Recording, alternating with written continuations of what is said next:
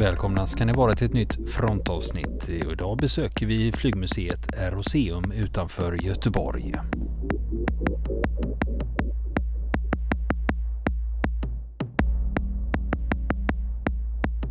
Och nu ska vi tillbaka till Aeroseum för att fortsätta med vårt besök där. Här har vi en intressant sak i korsningen här mellan två större korridorer eller skepp eller vad man ska kalla det. Där har man en vändplatta, det vill säga man kunde köra upp flygplanen och så skulle man vrida på den här så att eh, man inte behövde boxera flygplanen i en båge här utan bara kör ut dem på vändplattan och så vrider man och sen boxerar ut. Sen är vi nere i ett skepp här, det är avspärrat, man får inte gå nära de här flygplanen som står här. Och eh, här har vi luftvärdigt flygplan rör ej. Det vill säga det, de luftvärdiga planen de får inte stå gå nära. Och här har vi en GV38 och vad är det som är speciellt med den då? Jo, det är ett svenskbyggt flygplan från 30-talet. 14 tillverkades på licens vid Götaverkens skeppsvarv i Göteborg. Kopia av Rearwind 9000 Sportster från USA. Det är lite roligt att eh, Götaverken var ju sådana, de byggde ju lite allt möjligt. Det är Göteborgs veteranflygsällskap som ligger bakom den här. Här står det också flygplan här under renovering eller någon reparationer eller någonting. Det är lite nedplockat. De är inte kompletta. Sen lite flygmotorer och lite blandade grejer. Och här står det om Gösta Fränkel också. Josef Gösta Fränkel, född eh, Fränkel föddes den 20 juli 1885 i Göteborg. Hans far var en invandrad judisk köpman som gjort sig en förmögenhet på konstgödsel. Efter faderns död tog Fränkel över företaget. Han var en aktiv mecenat och en av donatorerna bakom Göteborgs stadsteater. Fränkel var mycket motorintresserad och deltog i många bilrallyn. Han genomförde även långfärdsresor med bil, bland annat till Nordafrika, vilket han sedan beskrev i reseböcker. Tillsammans med dottern Karin skrev han också barnböcker som lärde ut trafiksäkerhet. Flygintresset kom mycket tidigt.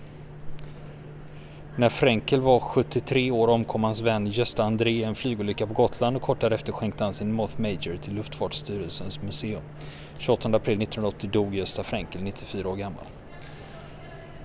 Vid 47 års ålder fick han äntligen chansen att flyga på riktigt genom sin vän Gösta André som var en av landets flygpionjärer och som 1920 blev den första svensken att korsa Engelska kanalen. När han fyllde 50 fick han ett flygplan, en Moth Major, i present av sin mor. Där han flög sedan så ofta han kunde, inte minst i affärsmöten i andra länder. Frenkels roll i societeten och eh, hans excentriska vanor gjorde honom till en lokal kändis. Folkhumorn gav honom smeknamnet Det flygande skägget. Och Gösta Frenkels väg ligger i Torslanda vid flygfältet. Så på det viset är han ihågkommen. Här har vi en replika också. Det är Thulin typ A. Thulin nere i Landskrona. Tillverkar flygplan väldigt tidigt.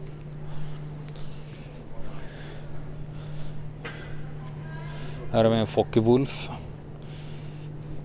44J Stiglitz. Februari 36 beställde flygvapnet två stycken Stiglitz för utprovning som skolflygplan. Genom licenstillverkning av ASJA i Linköping och i Västerås kom 85 flygplan att tillföras flygvapnet med beteckningen SK12. Här är också information om kikhosteflygningar. Eh, och det handlar om att eh, man, hade en, man, man, kunde bota astma och blodbrist med flygande kliniker. Man hade en flyghöjd på 3000 till 3500 meter. Sen har vi en Moth Major och det var ju en sån som Gösta Fränkel hade. Denna Moth Major ägdes och flögs av Gösta Fränkel från Göteborg. Det är alltså hans gamla kärra som står här. Det var ju trevligt. Alltid roligt när det finns någon anknytning. Sen har vi en Dornier DO27A. Flygplan 51, arméns flygverksamhet. Piper PA, P18 Super Cub visar snart på behovet av något större flygplan. Då blev det det här då. Sen har vi en Beechcraft Twin Bonanza som är lite nedplockad här. Och så har vi ett segelflygplan i taket och en lite mindre kärra också. Och det är här de håller på med grejer, den här delen. De har lite olika simulatorer här. Vi ska kolla och se vad vi har. Är det populärt med simulatorerna? Har ni mycket folk som... Ja, igår hade jag fullt på alla. Det är ju kanonbra. Full, de fullbokade var de allihop. Ja, men det är ju jättebra. Eh, För det, var det regn också? ja, Eller?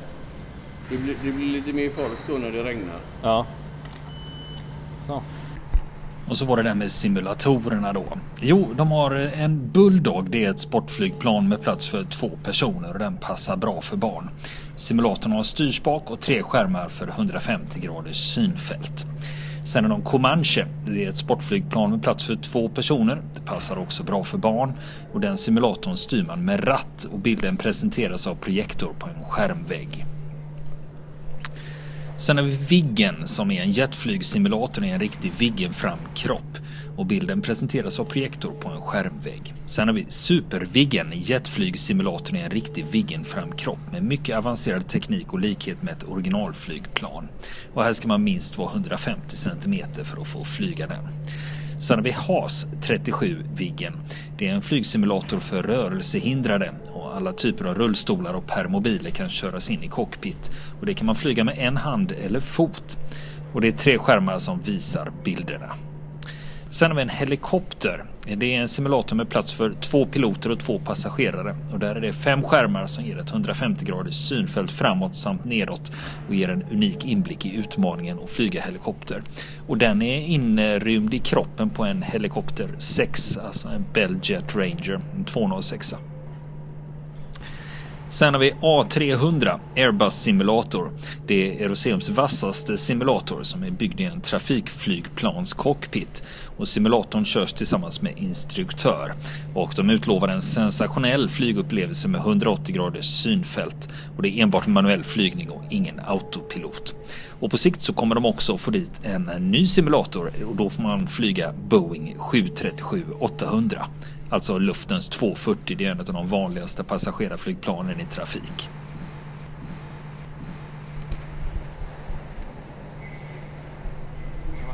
Här är en utställning om eh, kalla kriget och eh, DDR Stasi står det här. Hotet från öst. En skylt också. You're leaving the American sector. Vous sortez du secteur américain. Si förlassen den amerikanischen sektor. Det ska handla om spioneri och kalla kriget. Och här handlar det, eh, här är det bilder och texter som handlar om Stasi, Stasis organisation. Och så har vi en, eh, en docka här med östtysk uniform. Och här har de eh, lite om Mitropa. Mitropa var Mitteleuropäische Schlaf- und Aktiengesellschaft. Det var ju ett järnvägsbolag då där flera konduktörer vid järnvägsbolaget var värvade som agenter. Så har de lite flera olika eh, typfall på Stasi spioneri. Bland annat har vi en som har en koppling till Göteborg. Det var paret Weber, de var anonyma, det var ett Göteborgsfall. De greps för förberedelse till spioneri. Stasi övade paret i konspirativ förbindelseteknik och de tilldelas hjälpmedel för detta. Ingen hemlig information påvisad. De blev dömda 1971 vid Göteborgs tingsrätt och hovrätt. Och mannen fick fyra månaders fängelse och kvinnan tre månaders. Konspirativa paret tilldelades en preparerad väska som hjälpmedel för dokumentsmuggling. Hans täckadress i Rostock. Träffar med MFS i så kallade konspirativa våningar. Paret fick 6 000 kronor. Egna tecknamn var Sven och Britt. Här står det lite om Berlinmuren också, 1961 till 1989. Här har vi lite spionpryttlar som ligger, lite kameror och mikrokameralinser och eh, buggar. UF-buggar och pennor och klockor med inbyggd videokamera. Och så har de ett rum här där de har monterat sex stycken spionkameror och då ska man då försöka hitta dem. Eller så kan man gå runt och leta här i det här lilla sovrummet. Mindre rätt i, ja vad ska vi säga, 50-talsstil skulle jag vilja säga. Så kan man då gå runt och leta och se om det finns några dolda kameror gömda någonstans här. Det finns ju på flera platser i det här rummet, det ska vara sex stycken kameror. Ja, lampan verkar inte ha något. Spegeln har vi konstaterat att det finns en i. Kan vara eluttaget också. Ja, det är svårt att hitta dem faktiskt. Det är en garderob med en resväska på också. Här ser det inte ut att vara något. Nej, de är väl dolda de här kamerorna. Det är svårt att hitta. Man får gå ut och titta på några videoskärmar här för att få facit.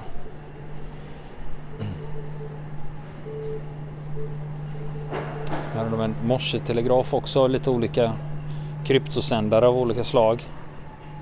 Så när man kommer ut då så kan man då se sex kameror som är gömda. Ska man gå och titta på skärmarna här som visar vad den filmar för något ska man då gå in och fortsätta leta. Här har de en eh, morsesändare och så finns det en mottagare en bit bort här så kan man då prova och eh, sända till den som tar emot.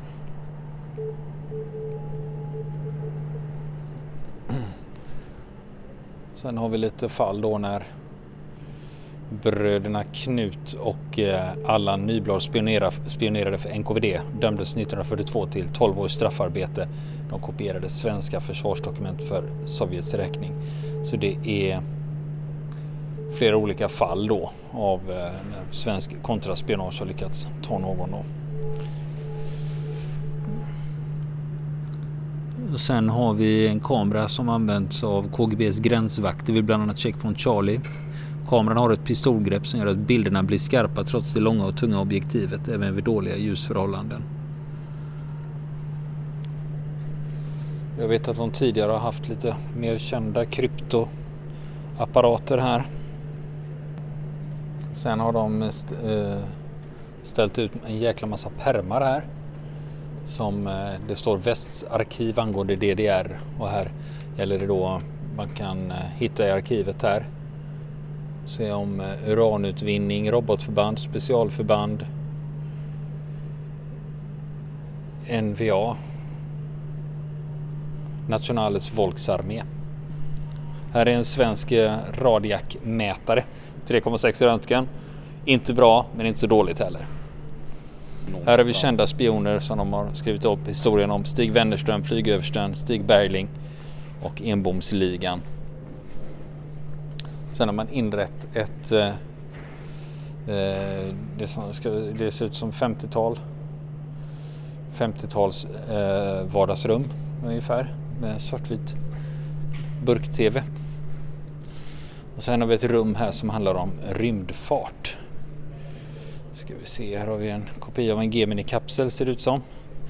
Och sen en plastavgjutning skulle man väl kunna säga av en rymddräkt från en Apollo-astronaut så man i alla fall får ett hum om hur den ser ut och lite bilder.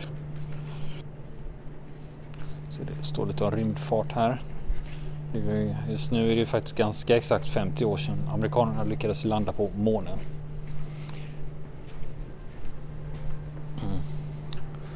Här har vi en svart HKP3 som man har plockat ner. Här har vi också modeller av lite flygplan, flygplansmodeller. Eh, där har de lite frågesport också. Guess the aircraft, alltså gissa planet. Så kan man ta en eh, lapp här och fylla i. Här har vi en HKP3, en Augusta Bell då som man har ställt upp. Den är svartlackad. Den är ganska urplockad på grejer. Så jag har för mig man haft en som reserv, reservdelsmaskin. Sen har vi lite lekgrejer här för barn och barnfamiljer. Bland annat har man en sån här grej med snören där man styr en samarbetslek. Man ska försöka plocka upp en, man har en tyngd med en krok i så ska man försöka det är en vikt som hänger i fyra trissor med fyra linor som man får vara två personer för att försöka Sen har vi en korg till en varmluftsballong som står här som man kan klättra i om man är sugen på det. Sen har de lite olika banor. En stor våg av de här. Hur mycket väger du och din familj tillsammans? Sen har vi mattcurling också som man kan ägna sig åt. Ett litet syntest så man kan testa sin syn. Så kan man testa färgseendet. Mm. Nere i, i slutet på ett av de här skeppen som de kallar det. Där har vi, där står det en kabin till en HKP 9. Sen har man en filmvisningssal här också med soffor. Och jag ser de visar en video här nu med, de visar en film här med Vampire är det som är uppe och flyger. Så det är väl filmat här på F9 såklart. Om man vill veta mera. Ja, det är Vampire. J28. Så. Så det är väl filmer som rullar här. Då skulle man kunna ha live. Här har vi en Viggen med F10-märkning. Med det röda, det vita spöket på röd botten. Röd märkning, det betyder alltså första divisionen. Även här har de lite raketkapslar och extra tankar på den och det är också så man kan kliva upp och titta i cockpiten på den och se hur den ser ut. Och sen har vi också en motor från en Viggen som står bredvid om man vill bekanta sig med det. Sen en Slater Skytrike. Sån här liksom snudd på skärmflygningsgrej. Och sen har vi en eh, till J35 med eh, från F10, den har skånska Gripen på fenan. Här har de också en eh, telefon eh, kopplad. Det står alltså en fältapparat, en gammal fältapa. Som man då kan veva på så ringer det. Det kallas för fältapa. Den heter fältapparat modell 37. Sen har de ett luftspaningstorn här också. Lomos. LS-torn modell 56. Luftbevakningsstationerna skulle optiskt upptäcka, upptäcka, rapportera och typbestämma luftfarkoster. Jag provar att gå upp. Här i närheten av i anslutning till tornet har de en rutschkana också som man kan gå upp i. Då kommer man också upp bredvid den här 35an som står där som man kan klättra i. Där har de faktiskt kvar joysticken. Styrspaken. De har fältapa här uppe också. Och sen lite bilder då på flygplan, som man, flygplanskort är det. Så man ska kunna känna igen dem. Det är svenska flygplan. Och sen en radio. Och här har vi då en soldat iförd M59. En Lotta är det. Förresten. En Lotta iförd M59 som står och spanar upp i tornet.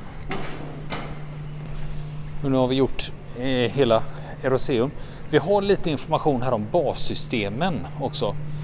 Eh, och då pratar man om eh, först 40-tal, då var det gräsbanor och sen 50-tal, då var det bergrum med betong. Och sen på 60-talet kom det bas 60, då var det atom, atomhot och spridning. Eh, och sen då 80-90-talet kom bas 90, multipelvapen och då var det fler banor. Man hade, man hade ju spritt ut det där. 1960 1990 då fanns det cirka 30 krigsbaser och 2012 fanns det två krigsbaser kvar. Men ser de om mer information? Ja, här har de faktiskt lite mer information om bas 90-systemet. Om krigsbasen där det står framom främre klargöringsområdet och flera mobiliseringsförråd. Och sen fanns det ju då också KC och bas C, det vill säga bascentralen och kommandocentralen. Och sen också lite om klargöringstropparna. Så, ingenting om flygbasjägare. Jo, vi ska se vad det står. Markförsvarskompani försvara basen. Där ingick ju då flygbasjägarna och eh, närskyddsplutonerna. Här har de också en karta över eh, över flygflottiljer, krigsbaser och förberedda civila fält då. De skulle kunna användas i händelse av krig. Ja, nu är på väg ut.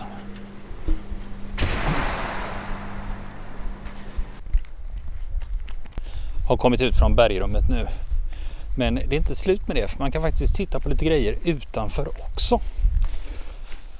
Man kan gå upp på, på en höjd bredvid här och då får man en ganska fin utsikt över Säve flygfält. Så när man fortfarande har ambulansflyg, polisflyg, kustbevakningen och även helikopterskola. Jag hör helikoptrar här på avstånd. Och så står det en halv J35 i skogen här. också och fronten på en Viggen kan man titta på också. Men sen har vi en rolig grej och det är en helikopter. Och det är inte vilken helikopter som helst. Det är en Mi-8.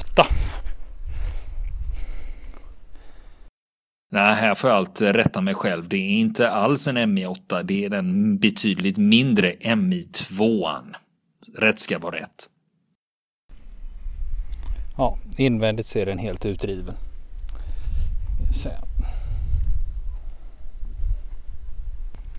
Och sen har vi också en, eh, ett skydd för en värnkanon faktiskt. Det var ju så på flygbaser och även på civila flygfält så hade man eh, lagt eh, det är gjuten glasfiber och det ser ut som en stor stenbumling på lite avstånd men om man går nära så ser man att den är i ett stycke och eh, den går alltså att lyfta bort och under den så hade man då ett kanontorn som man skulle ha för att försvara flygbaser och flygplatser.